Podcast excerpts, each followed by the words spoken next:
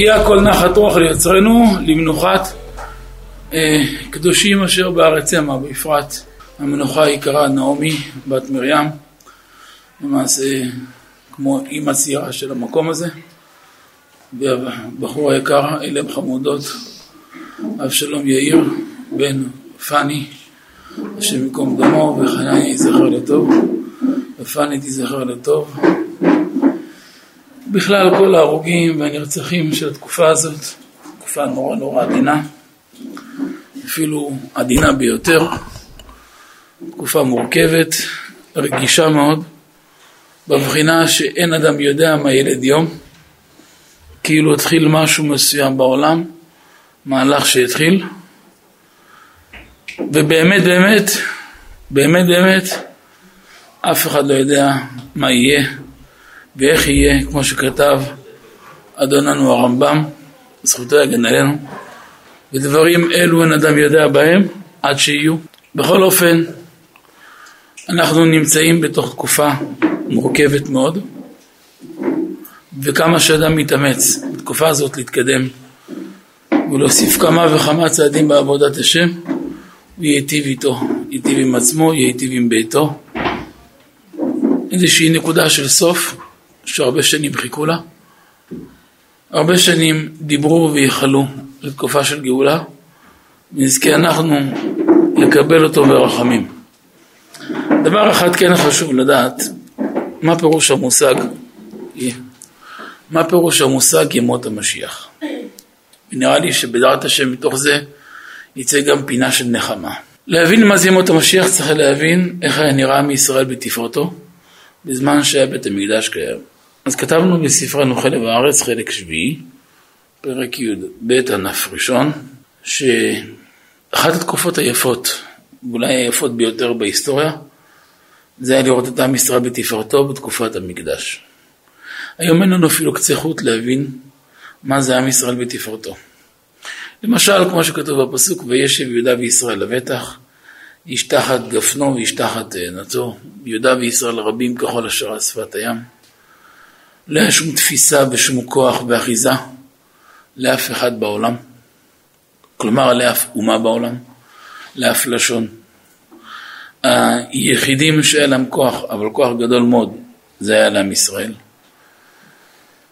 היה מצוי לכל אחד שתי שולחנות, מצד אחד חוכמה והשגה עצומה, מצד שני גם עושר מופלג. כוח וגבורה שלו נתפס. למשל דוגמה, יש בגמרא ירושלמי, מהו פירוש הפסוק ולא יחמוד איש את רציך בעלותך לראות את פני אדוני אלוהיך שלוש פעמים בשנה. הגמרא מספרת על יהודים שהיו גרים באשקלון. מכירים אשקלון? אתה אשקלון. יהודים שהיו גרים באשקלון והיו מבורכים בהרבה הרבה עשירות. עושר זה, זה יכול להיות טוב, אבל שהוא מלווה בקדושה הוא משיג שלמות. והיו הערבים, מאז ומעולם היו פנים. אומרים להם הערבים, תכף הגיע חג, אתם עולים לרגל, מכינים אותם, הכנה מראש. אנחנו הולכים לבזוז לכם את כל מה שיש לכם. והיו היהודים עושים מהם צחוק. אמרו להם, בכבוד, בואו נראה אתכם. והנה, תראו דבר פלא, דבר פלא, פלא פלאים. דבר שלא נתפס, השתבח שמו. תראו דבר פלא. היו היהודים האלו ניגשים, הולכים לרגל. הולכים לרגל זה לא כמו היום. זה עם סוסים ועגלות, אלפיים שנה. קח את האישה, ילדים, נכדים, כל הפק הלך, שבוע לפני, שבוע של חג, שבוע אחרי, שלושה ארבעה ימים לפני החג להתארגן במקום, זה איזה חודש בקל. והיו משאירים עסקים פתוחים, והיו מיליארדרים. היה להם אולמות רק של כסף, ערימות של זהב. לא נתפס מה שהיה להם. תגיד נהלים? לא. פרינציפ משאיר פתוח. לצורך העניין יש לו קומביין שעולה מיליון דולר, הוא משאיר אותו, מפתח בסוויץ', בוא נראה אותך נכנס. יש קופות שלמות, הכל פתוח, קח, פתח, כנס, קח, נראה אותך נכנס. והיו הולכים לרגל שהשאירו הכל מופקר. והיו חוזרים, ואפילו עט לא זז מהמקום. אומרת הגמרא איך זה, היהודים מלאכי השרת, בדיוקן של בני הבית, ממשיכים לתפעל את העסק כרגיל.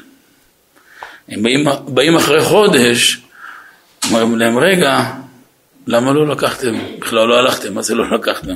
בוא תראה עשר משאיות, רק סחורה נכנסת, מה זה לא? לא הלכנו. אומרת הגמרא, לא היה אפשר לשלוט בהם. שהיו יוצאים למלחמה. עכשיו אנחנו תקופת מלחמה, מלחמה קשה וכואבת. כשהיה בית המקדש קיים, היה חייל, חייל ביד ימין מוריד עשרת אלפים, ביד שמאל, שיד קאה עוד אלף. איזה טיל היום עומד בדבר הזה. דוד המלך יוצא למלחמות כל החיים שלו, ונופלים לפניו אלפים ורבות, איך היה עושה את זה? הנה השבוע חנוכה. מה זה נס חנוכה? רבים ביד מעטים. אתם יודעים מה היה נס חנוכה? הנה השבוע, יום, יום חמישי בערב, אם רוצה השם נזכה להדליק נר ראשון. מה זה נס חנוכה? הלוואי נזכה השנה אנחנו לנס חנוכה. מה זה נס חנוכה? התגייסו 60 רמטכ"לים. קחו רמטכ"ל של מדינת ישראל, תכפילו אותו כפול 60. גייסו איתם ה-60 עוד 80 רמטכ"לים. 140 רמטכ"לים, 140 צבאות. אי אפשר לאמוד כמות של תחמושת, אי אפשר לאמוד כמות של חיילים. חיילים יותר מגרגרי חול. כולם על מי? על ישראל וירושלים. כמה ירושלים גדולה? בשביל להעמיד מולה 140 צבאות. אי אפשר לתפוס את זה. מי עומד כנגד? 13 אנשים. זה בדיחה. 13 אנשים. זה משולל היגיון. אם מזכירים שם קדוש, מכוונים כוונה, מכוונים כוונה, ייחוד אחד, פתאום אתה רואה מאה אלף נטרקים ברצפה, בום, רק נגמר, רצים על גופות. עוד פעם זועקים מי להשם אליי, ייחוד, כוונה, שם קדוש, בום, עוד חמישים אלף ברצפה. זהו, נגמר. מי יכול להבין את זה בכלל? מזה נולד נס חנוכה, זה נס חנוכה. רבים ביד מעטים, רשעים ביד, למה זה משחק? רשעים ביד צדיקים, טמאים ביד טהורים. תשימו לב איזה דבר יש כאן. שעם ישראל זוכים, הקדוש ברוך הוא משרה שכינתו עליהם, ואומר אבא הקדוש רבי יורם מיכאל זכותו יגן עלינו. מה המעלה של רבים ביד מעטים? מה המעלה של המצב ששכינה שורה במקום? זה שיש שמירה והגנה במקום. המצווה מהתורה הראשונה שנצטווינו על צניעות, המקום הראשון שנצטווינו בתורה בעניין של צניעות זה במחנה המלחמה. ששם נדרש ביותר, שם השטן מקטרג ביותר. וכאשר הנושא הזה נפגם, אז הקדוש ברוך הוא לא עושה כלום, רק מסתלק מהמקום, כשהוא מסתלק, מסתלק את השמירה. אז אין בעיה לפרוץ 30 פרצות בגדר, ואין בעיה לעשות עוד הרבה מרין בישין כנגד. והמציאות העידה, מציאות מאוד מאוד עגומה וכואבת שחווינו וחווים אותה בעוונותינו כל יום שמלווים הרבה הרבה הרבה מצבים מאוד מאוד לא נעימים, נורא נורא לא נעימים. מבינים כאן רק משהו אחד, שהתקופה היא תקופה רגישה, תקופה עדינה מאוד, וכמה שאדם יצליח דרך המעלית. תיכנסו דרך המעלית. כמה שאדם יצליח בתקופה הזאת לנצל את הזמן ולהוסיף בקדושה ויראת שמיים, היה זה חלקו וגורלו. לומדים גם מהפרשת שבוע, שיוסף הצדיק יורד למצרים, הוא לא תכנן לרדת למצרים. יוסף יפה תואר, יפה מראה, נולד יפה, נולד נדיר, בנוהג שבעולם, תמיד בן זקונים הוא חביב על כל הבית. יש פתגם בעולם שאומר, בן זקונים זה שמנהל את הבית, בדרך כלל זה ככה. גם כמה שהוא קטן בדרך כלל מכתיב את הקצב, ככה מקובל בדרך כלל, זו המציאות שמוכיחה ככה. ויוסף היה בן זקונים. ואתה מוציא דבר שלא מצאנו תקדים לו בהיסטוריה וישנאו אותו. הוא לא יכול לדבר על שלום. אי אפשר להבין את זה בכלל. ואתה מוצא איך הוא נרדף. והוא התנסה בניסיונות קשים. והתנכלה אליו אותה גברת, קראו לה זליכה, אשת פוטיפר. כתוב בסדר הדורות, בספר הנפלא סדר הדורות כתוב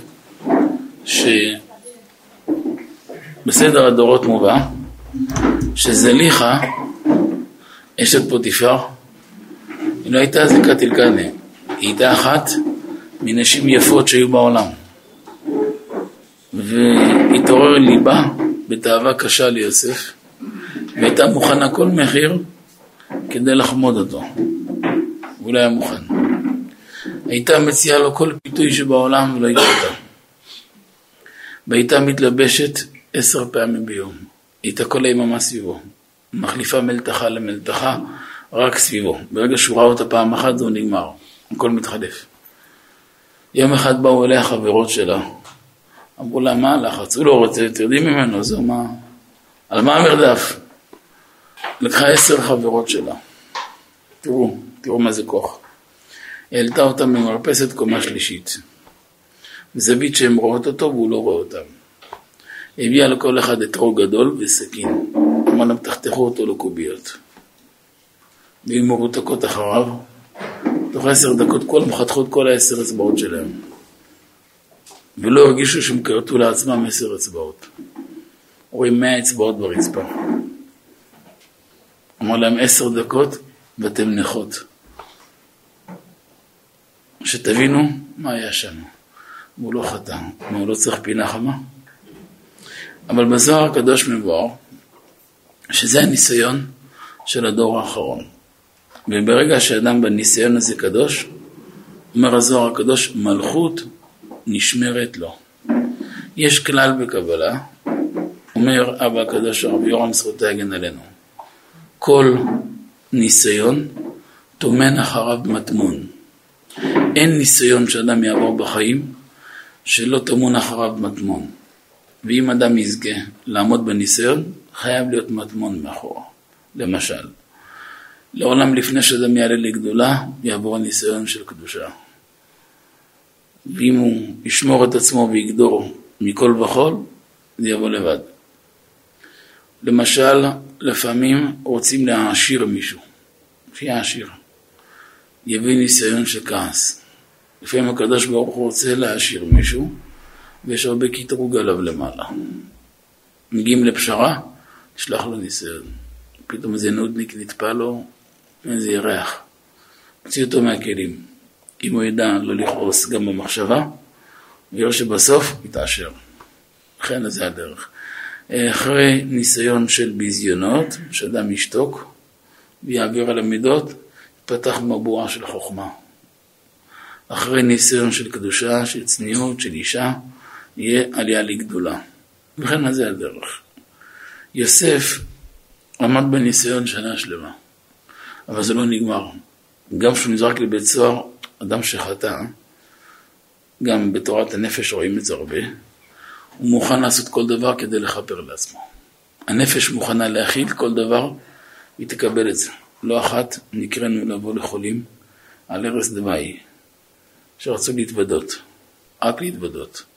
מי שחטא הוא מוכן לכל, לכל דבר. אני זוכר שפעם אה, אבא, הייתי איתו ונקרא לאיזושהי חולה מסוימת, הייתה ממש על ערש דווי, והגענו, כולם יוצאים מהחדר, והיא ביקשה להתוודות שהיא חיה בייסור. והיא יודעת למה באה לה מחלה ועל מה ולמה, והיא מוכנה כך וכך, העיקר לצאת מהעולם נקייה מאותו עניין. וראית, אני פוגש את זה מעשים בכל יום בכל סוגי הקהלים ש... שבאים. אבל אדם שלא חטא, זה קשה שבעתיים. אדם שהוא נקי, זה קשה שבעתיים. אדם שהוא טהור, אין זה אלא בגזרת שמיים. יוסף היה נקי, היה נקי ביותר. נקי ביותר, סופר נקי. וראו שהוא נקי, רק לא יכלו ללכת נגד הפוליטיקה חזקה. ואז נכנס לבית סוהר 12 שנים. כתוב במדרש ארבע והייתה באה לתוך הבית הסוהר כל יום, בעלה אמונה לבית הסוהר. הייתה נכנסת אליו כל יום, אמר לי יוסף בוא עכשיו, תשמע לי 1, 2, 3, תצא החוצה. ביום האחרון החליט שהוא מוכן למות, מתהפך העולם, הוא לא נופל. באותו לילה נגלה עליו גבריאל המלאך, לימד לו בשעה אחת שבעים לשון.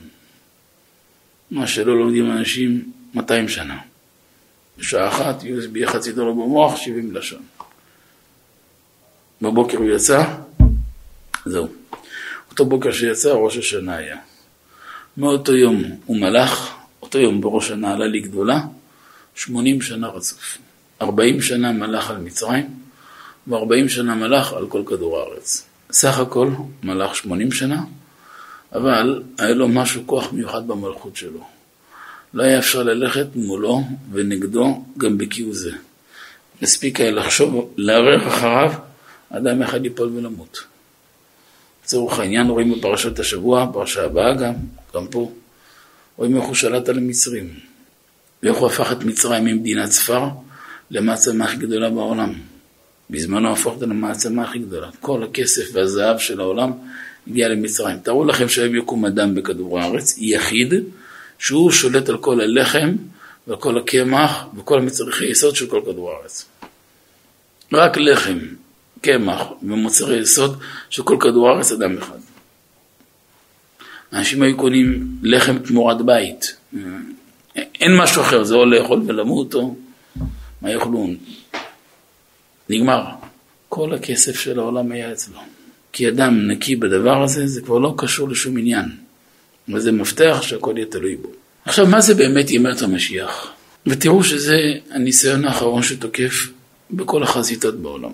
עם ישראל שהיה בתפארתו, לא היה דומה לו בגדולה, בתפארת, במלכות, בממשלה.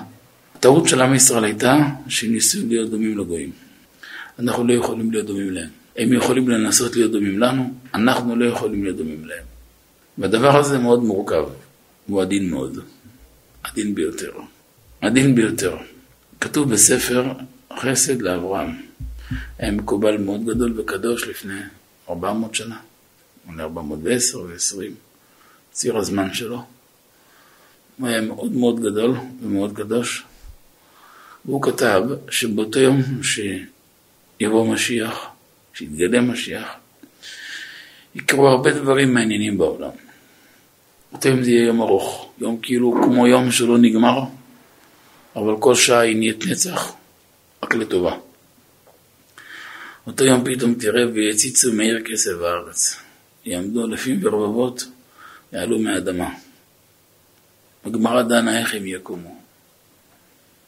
וגם זו סוגיה מלאה בפני עצמה, איך יקומו מהאדמה. באיזה אופן. ואז היה מישהו שאל שם שאלה, אמרת הגמרא, גם חיטה אותו דבר. זרע את החיטה באדמה, איך זורעים אותה באדמה? ואיך היא עולה? עם לבושה, עם גיבור ושיבולת, אותו דבר. גם נפטר, ירד בצורה אחת, יעלה בצורה יפה. באותו יום ירבה שעשוע בעולם. היה חייל בן 22 שנהרג במלחמה. השאיר את אשתו מעוברת. זוג צעיר, וילדה תאומים. נולדו התאומים בלי אבא. אבא נהרג במלחמה. הגיעו לגיל 70. הם מבוגרים. פתאום אבא שלהם קם בתחייה, בן כמה הוא? בן 22. אבא שלהם בן 22, הם בני 70. אז זה כתוב בתהילים, אז ימלא צחוק פינו. יום מלא צחוק בעולם, אבל צחוק של שמחה, לא של ליצנות. צחוק של התפעלות ושמחה והתרגשות, שהכל מתחבר למקום אחד. או למשל, אה, היום העולם רודף כמו משוגע אחרי כסף. כתוב בספר חסד לאברהם שאותו יום שיבוא משיח הקדוש ברוך הוא מצווה לשרו של ים הוא פועל את כל מה שהים בלע מימי שלמה המלך.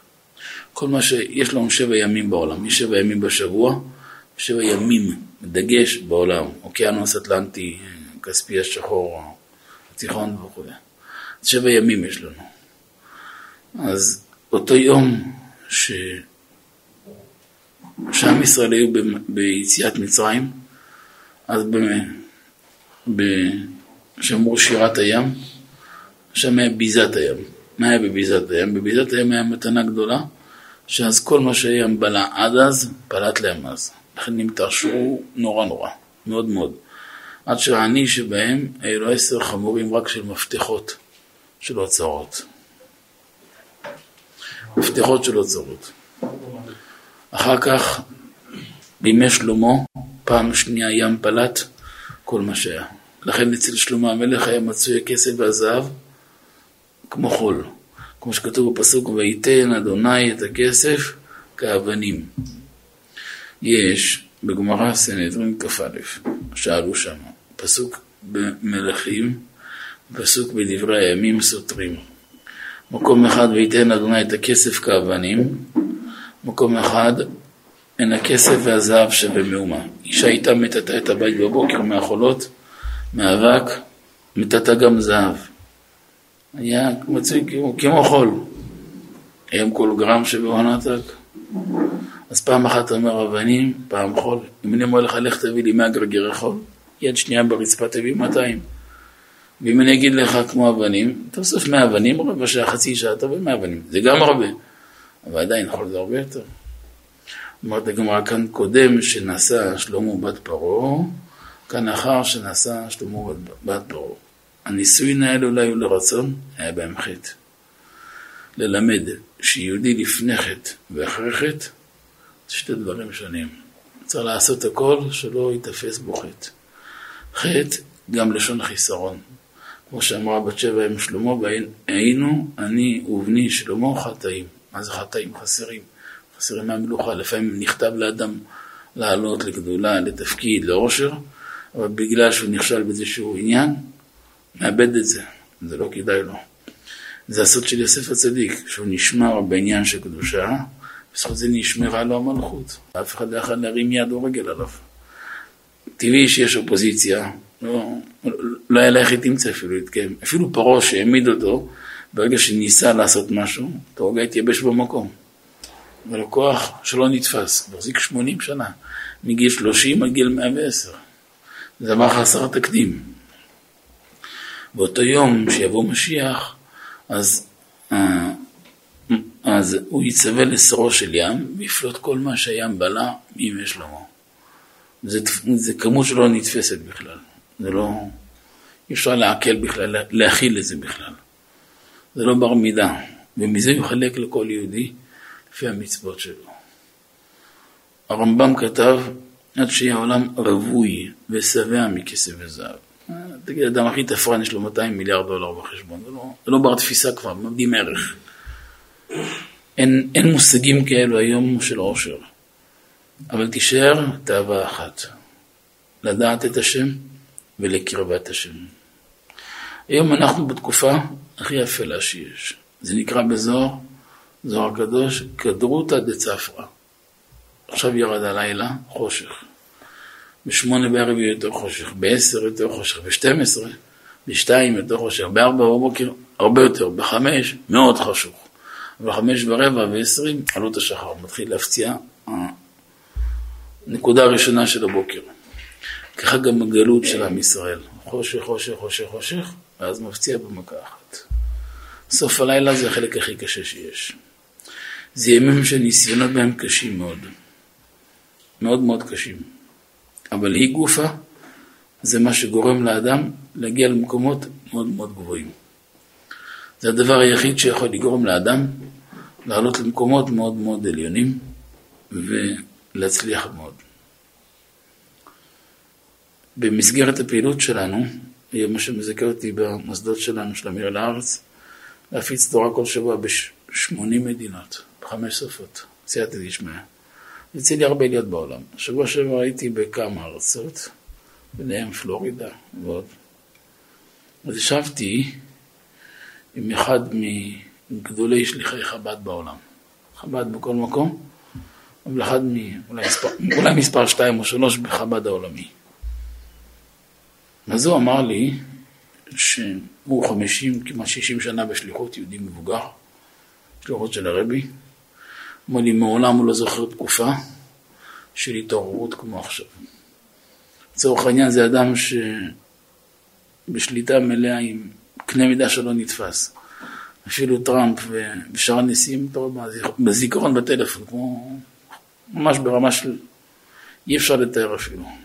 אומר לי, לא ראינו תקופה בעולם עם התעוררות כזאת. יותר מזה הוא אומר לי. אומר לי, גם האנשים הכי גדולים שיש בעולם. אומר לי, לא ראיתי יהודי אחד, אומר, אין יהודי אחד בעולם, לא משנה כמה הוא רחוק או קרוב, שלא יתעורר בתקופה הזאת למשהו.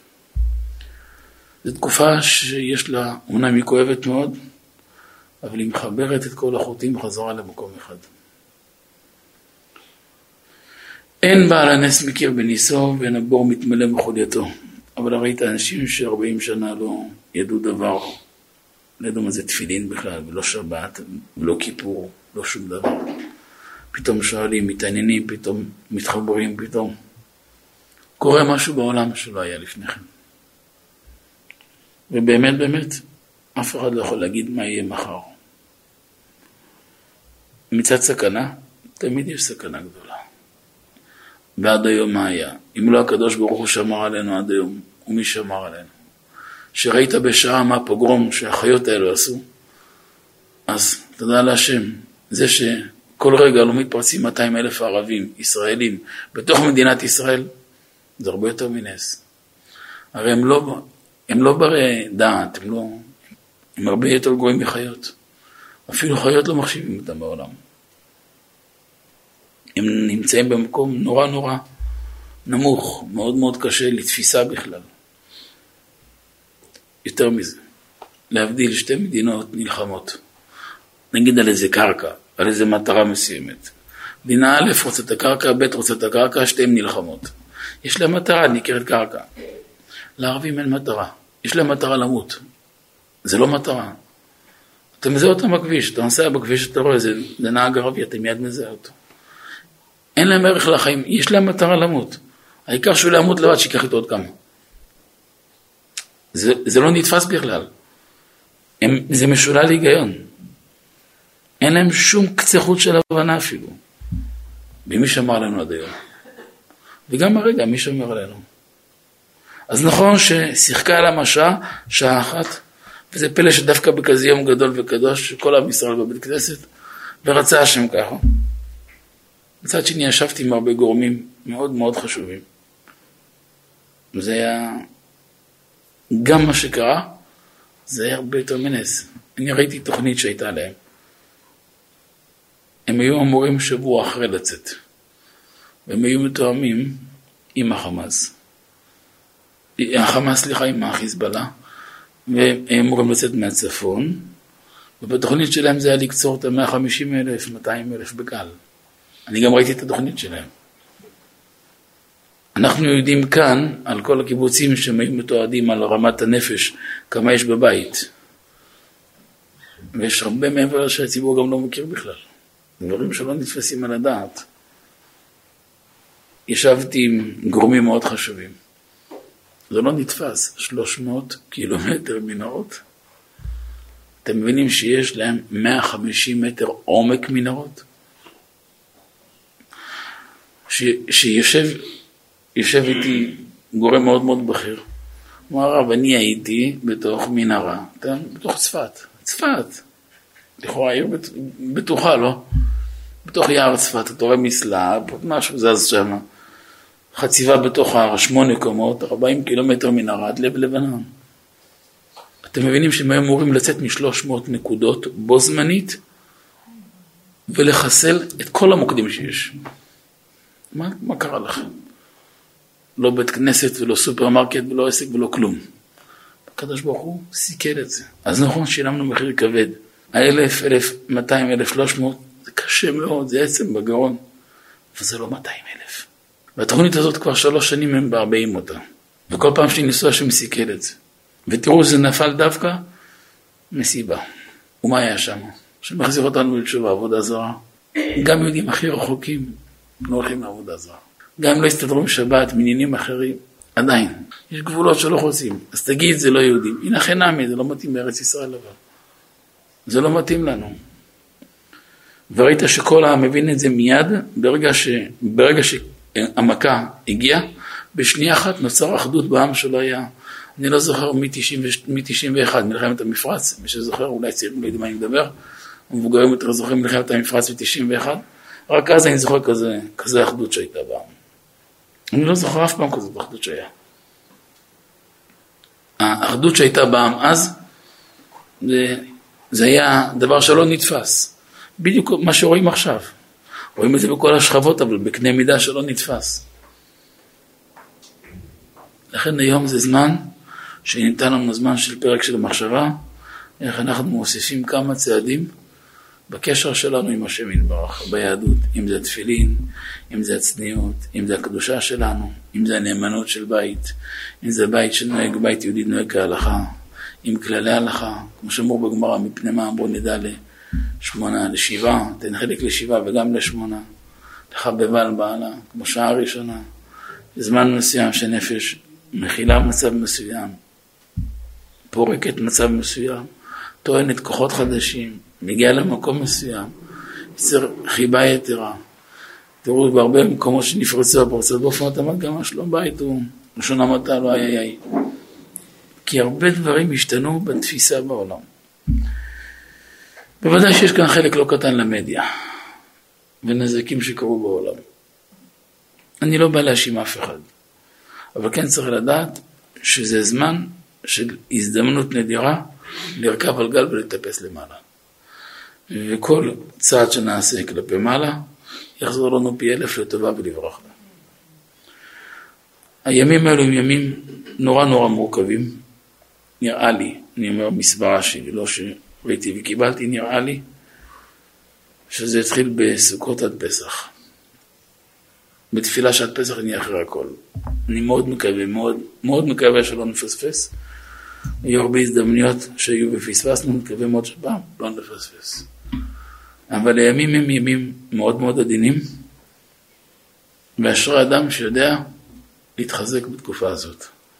קודם כל לשמור על הבית. זוגיות שתהיה זוגיות כהלכה. אם לא יודעים מה המשמעות, שווה להגיע לתלמיד חכם.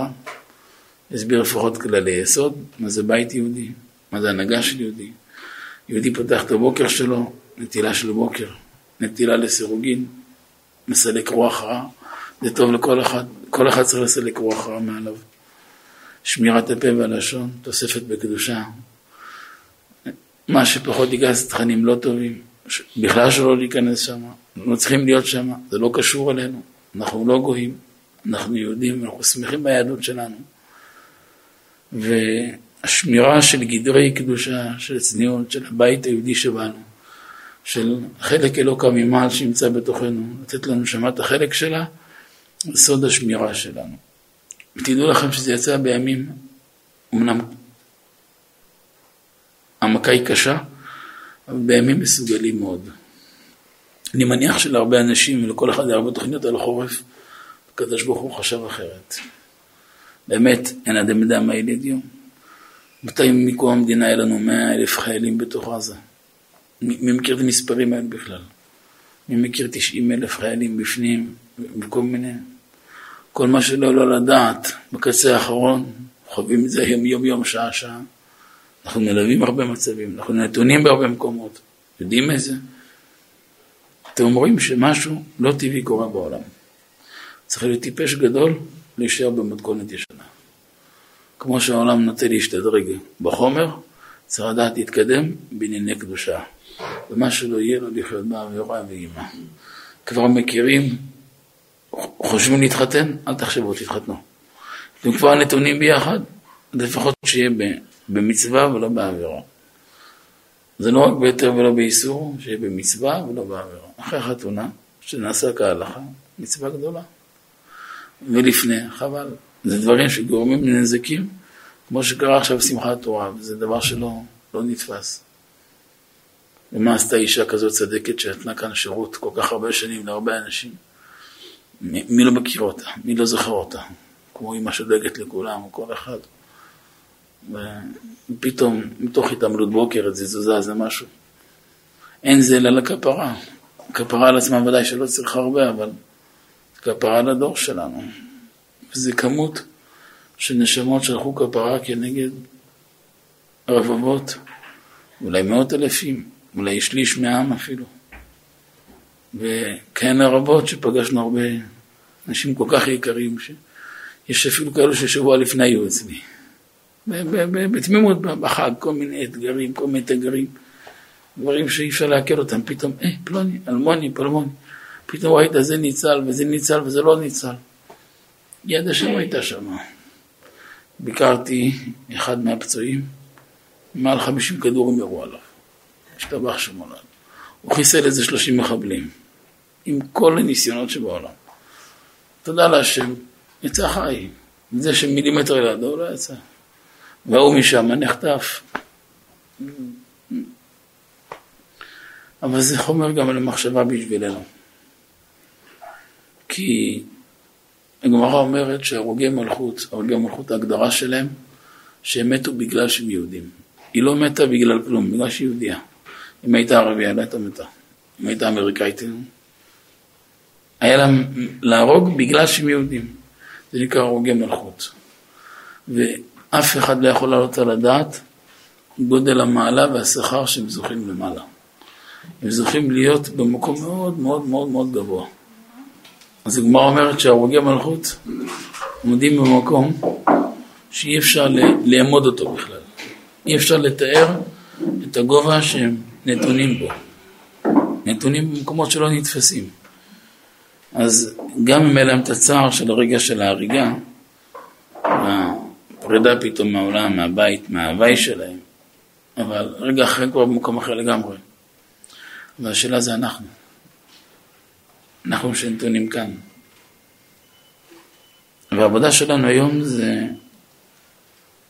בעבודה הפרטית של כל אחד, איך להוסיף כל אחד בפינה שלו, במקום שלו, בשתי מישורים. יש בסור מרע ובעשה טוב.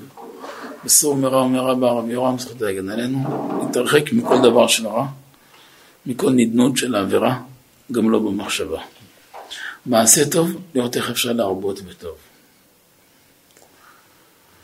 ולפחות בעיקר היהדות והדת, שזה שבת, שזה כנגד כל התורה, שכולה שבת ככל התורה כולה, ברית שזה עניין של קדושה של הבית היהודי, בין איש לאשתו, עם כל המכלול והמשתמע מזה, ואצל הגברים תפילין, ואצל הבנות ונשים צניעות. אלו שלוש דברים שיצילו את האדם לגמרי מהתקופה שנקראת חבלו של משיח. חבלי משיח זה ימים של עכשיו, כמו חבלי לידה.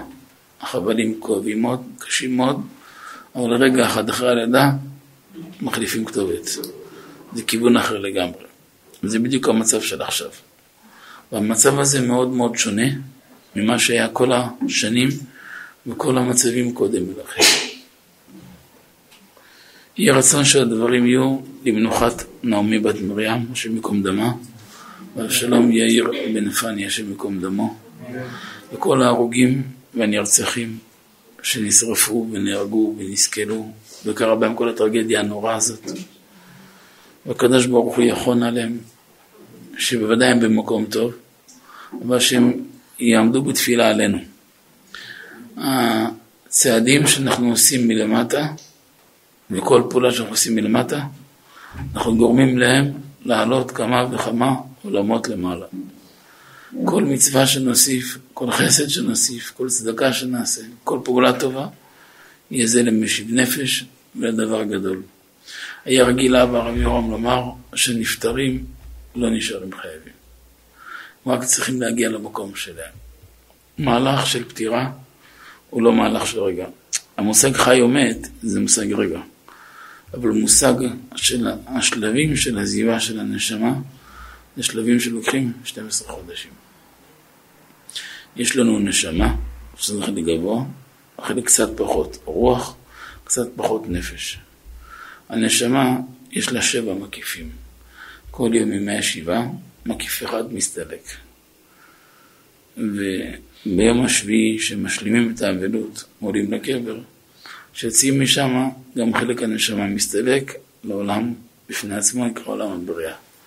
בתום השלושים, הרוח מסתלקת. בתום י"ב חודש, חלק מהנפש מסתלקת, חלק נשאר שם. כשאנחנו מגיעים לקבר ומתפללים, אנחנו מתחברים עם אותו חלק הנפש שנמצא שם, רק צריך להיזהר שאסור לומר למת, תביא פרנסה לפלוני, תביא זיווג לאלמוני, זה נקרא דורש של המתים. אפשר לבקש מהמת, להגיד לו, תבקש רחמים שלפלוני יגיע זיווג ולאלמוני יהיה פרנסה ולפלוני יהיה בריאות. אבל חס ושלום אסור להגיד לו, הוא לא אלוקים. הוא אחרי הכל נפטר. אבל כן אפשר להגיד לו שיתפלל על אלמוני. ואלו שנרצחו, שהמעלה שלהם מאוד מאוד גדולה, מאוד מאוד גדולה, הם גם עלו למקום של קדושים, ולא הרבה זכו לתואר קדוש. כתוב באור חיים הקדוש, שיש לקדוש ברוך הוא בגד רוחני, שנקרא נקם. מה המיוחד בבגד הזה? לאורך כל הדורות, כל יהודי שנרצח, איש או אישה, בגלל שיהודי, ברגע הרצח, הקדוש ברוך הוא יורד עם הבגד הזה וטובל בדם של ההרוג את הדיוקן שלו על, על הבגד הזה. ואז רואים על הבגד הזה את הדיוקן של אותו הרוג. וזה נקרא נקם מלבש. ובעזרת השם בקרוב נראה את הקדוש ברוך הוא לובש את הבגד הזה, וכל המיליונים שיש עליו שנהרגו כל השנים האלו, בהצטרף הנגלה הזאת שעכשיו הייתה, שהיא קשה מכולם, היא גם כואבת מכולם, בהצטרף כל זה, הקדוש ברוך הוא לובש את זה, ואז עם הנקם ובגדי זעם, שכל אלה שנהרגו על עוול וחפם, הוא יוצא ונוקם בכל אותם רוצחים ובני משפחותיהם, וכל אותם אויבים. אז עכשיו זה ערבים מעזה, ואתמול זה היה השואה, וזה היה כל מיני גורמים לאורך כל ההיסטוריה, וכולם ישלמו נקם עד טיפת הדם האחרונה. וכמו שראינו בכאב, נראה בנחמה. ראינו במשבר, נראה בבניין בעזרת השם. עכשיו העבודה שלנו, לדעת לקום מכאן ולהתנחם ולהתקדש, לצפות לימים יפים יותר, לדעת לשמר את הכללי קדושה שלנו, את הצניעות שלנו. לבת ישראל יש מחיר. גוף של איש, גוף של אישה זה דבר קדוש. גמר אומרת, אסור להתעסק עם זה לפני החופה, לפני כתובה. הדברים האלה יש להם מחיר מאוד מאוד קשה. דעו לכם כמה שחזיר הוא חמור. נגיע באצבע של בחור בבחורה, בחורה בבחור, כמו 200 פעם חזיר. תאכלו 200 חתיכות חזיר חלילה, יפגום בכם כמו נגיעה אחת. זה הרבה יותר קשה. זה מקביל לאכילה בכיפור, אותו דבר. זה כרת וזה כרת. אבל אם גופה, אם כן, קדימה חתונה. ושכבר עושים חתונה, אז פעם אחת כהלכה.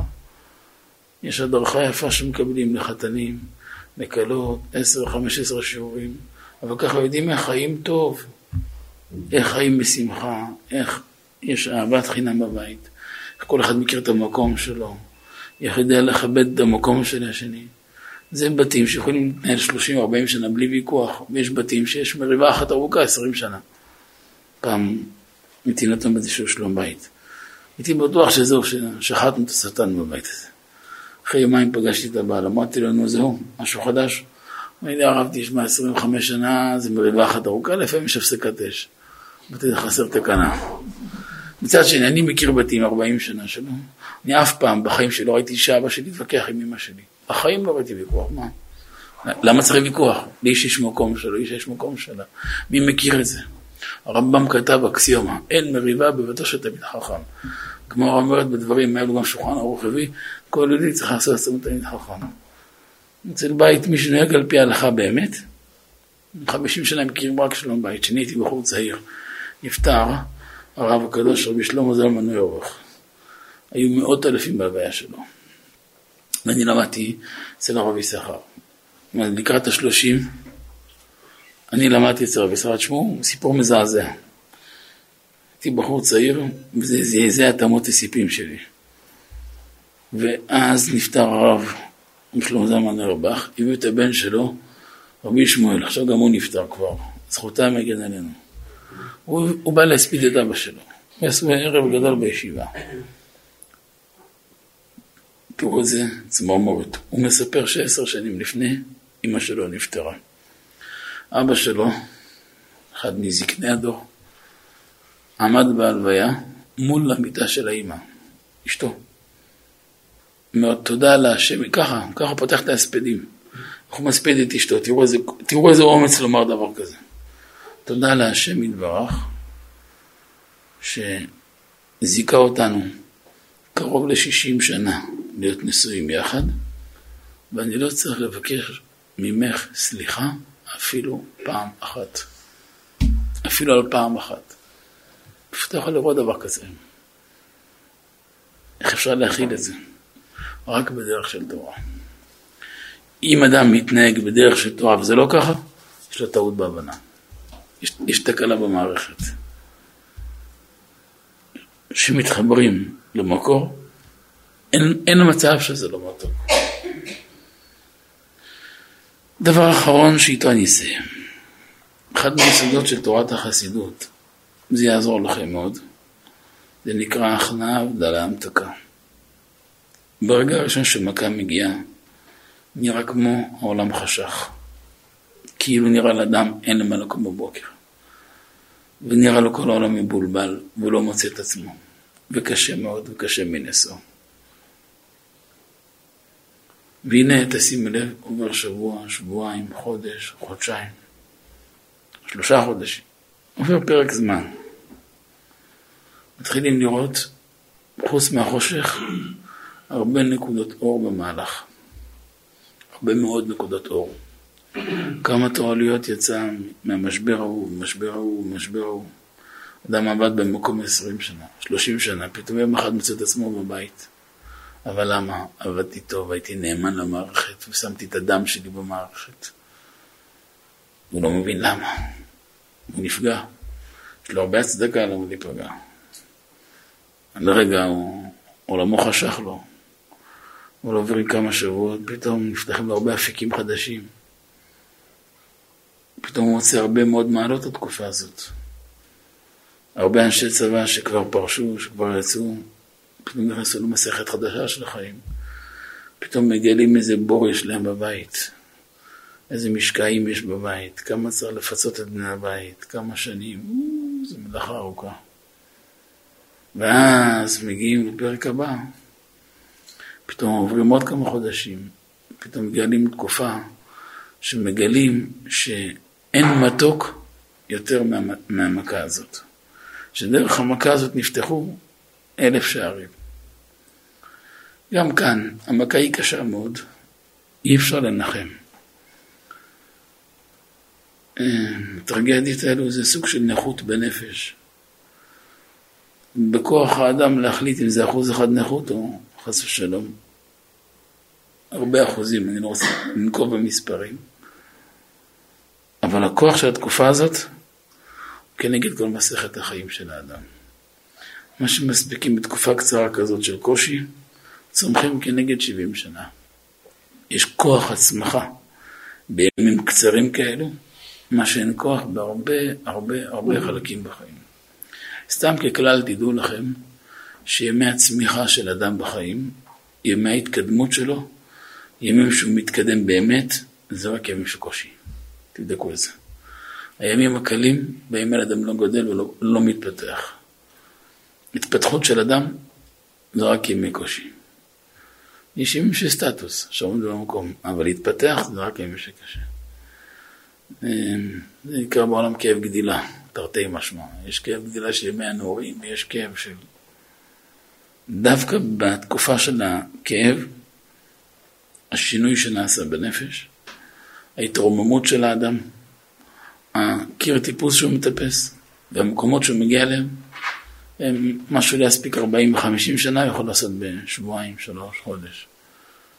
מסכתות של חיים מספיקים בתקופה קצרה. ורואים את זה בהרבה הרבה מקומות בעולם, בהמון זוויות. אז אולי אפשר להתחבר לחלק הטוב של התקופה הזאת, לחלק הטוב והמועיל, וזה המקום גם שנבקש על החטופים. מי שעוד חי שם, שיחזור הביתה. מי שלא, שלפחות יבוא לקבר ישראל. הקדוש ברוך הוא יגדור פרצות מעם ישראל, וישמור על החיילים היקרים והמתוקים שלנו, שיחזרו כולם הביתה בריאים ושמחים. גם אלו שבפנים וגם אלו שנמצאים בתוך המבצעים, בתוך המדינה, גם בתוך הארץ יש הרבה מבצעים. מדי יום, מדי לילה, בהרבה הרבה מקומות. כמעט אין יישוב ערבי בלי כמה מבצעים שנעשים. גם עכשיו צריך הרבה שמירה. גם אנשי המוסד והשב"כ ושאר כוחות הביטחון וכל כוחות ההצלה ומד"א ומחבש והנלווים ועוד גורמים אחרים. כל אחד במקום שלו, הקדוש ברוך הוא ישמור צאתם ובואם, לחיים טובים ולשלום. לכולם יש אישה וילדים ונכדים שמחכים להם. עם ישראל צריך אותם. עם ישראל שילם הרבה מדי קורבנות. מדי הרבה קורבנות. יהיה רצון שבזה זה ייגמר. ולא יפול עוד שערה משערות ראשו של אף חייל יקר ואף גורם יקר. מתקן את כל אנשי הצבא וכוחות הביטחון בעצה טובה, בעצה ישרה, איך לעשות, מתי לעשות, כמה לעשות, איפה לנגוע ולפגוע ומתי. לא להיות רחמנים במקום של להיות אכזר ולא להיות אכזרים במקום של להיות רחמן. זה דברים עדינים מאוד, מורכבים מאוד, צריך הרבה סייעתא דשמיא לקלוע ולכוון לאמת. זה דברים שחד צדדי ואסור לטעות בהם. מצד שני רואים גם שהקדוש ברוך הוא מלווה אותם. אתה רואה חייל שנפלט לו כדור בתוך עזה, הוא אוכל את עצמו, בטח שלא הרג מישהו, בסוף הוא רואה עין שמחבל מתוך צינור, הוא הכניס לו את הכדור לתוך העין. זה דברים אה, מבהילים, כאילו אתה רואה איזה השגחה פרטית שלא נתפסת בכלל. ראיתי כל מיני מערכות, אפשר להבין את זה, אתם מבינים שכביש פה יכול להיות פה לידינו, אני לא רוצה להסגיר אף אחד, אבל כבישים ככה, לכאורה אוטוסטרדה, אתה רואה חור, חור פשוט בכביש. אתה חושב שזה חור של נחש. טייס מ-31 אלף רגל אומר, בואי נזה, חור אוויר של מנהרה. אחרי 100 מטר עוד איזה חור, בום, שם בומבה, מוריד, מוריד מנהרה, 50 איש מתחת. בכלל לא יודעים את זה, לא מרגישים בכלל. אנחנו לא מבינים כמה ניסים השם עושה לנו, עם כל הקשיים והכאב שהוא לא נספר. זה לחלק. הכאב הוא לא נמדד, אבל באותה מידה שהכאב לא נמדד, גם הניסים שהשם עושה לנו 24 שעות. זה לא...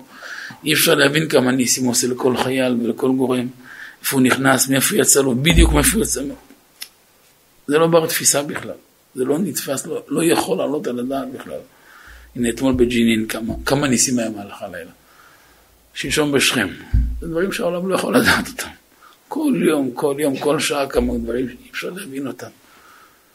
אם לפי התוכניות שלהם, חס ושלום לא נשאר אדם אחד. תודה להשם אנחנו חיים וקיימים, ונשאר חיים וקיימים לנצח. אמנם כואב לנו מאוד הפרידה מהגוף שלהם, אבל הרוח שלהם איתנו. הנפש שלהם איתנו, הנשמה שלהם איתנו. היא מטיילת בתוכנו. רואים אותם, חווים אותם, נושמים אותם, מרגישים אותם.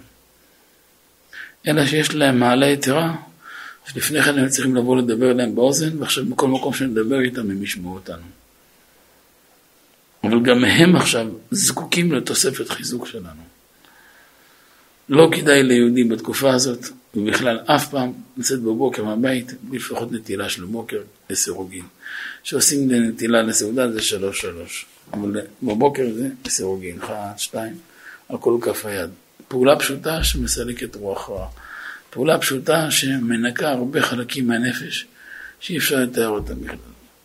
תפילין. אישה יש לה כתובת אחת, בעלה. לאיש יש כתובת אחת, אשתו, כל מה שלא קשור.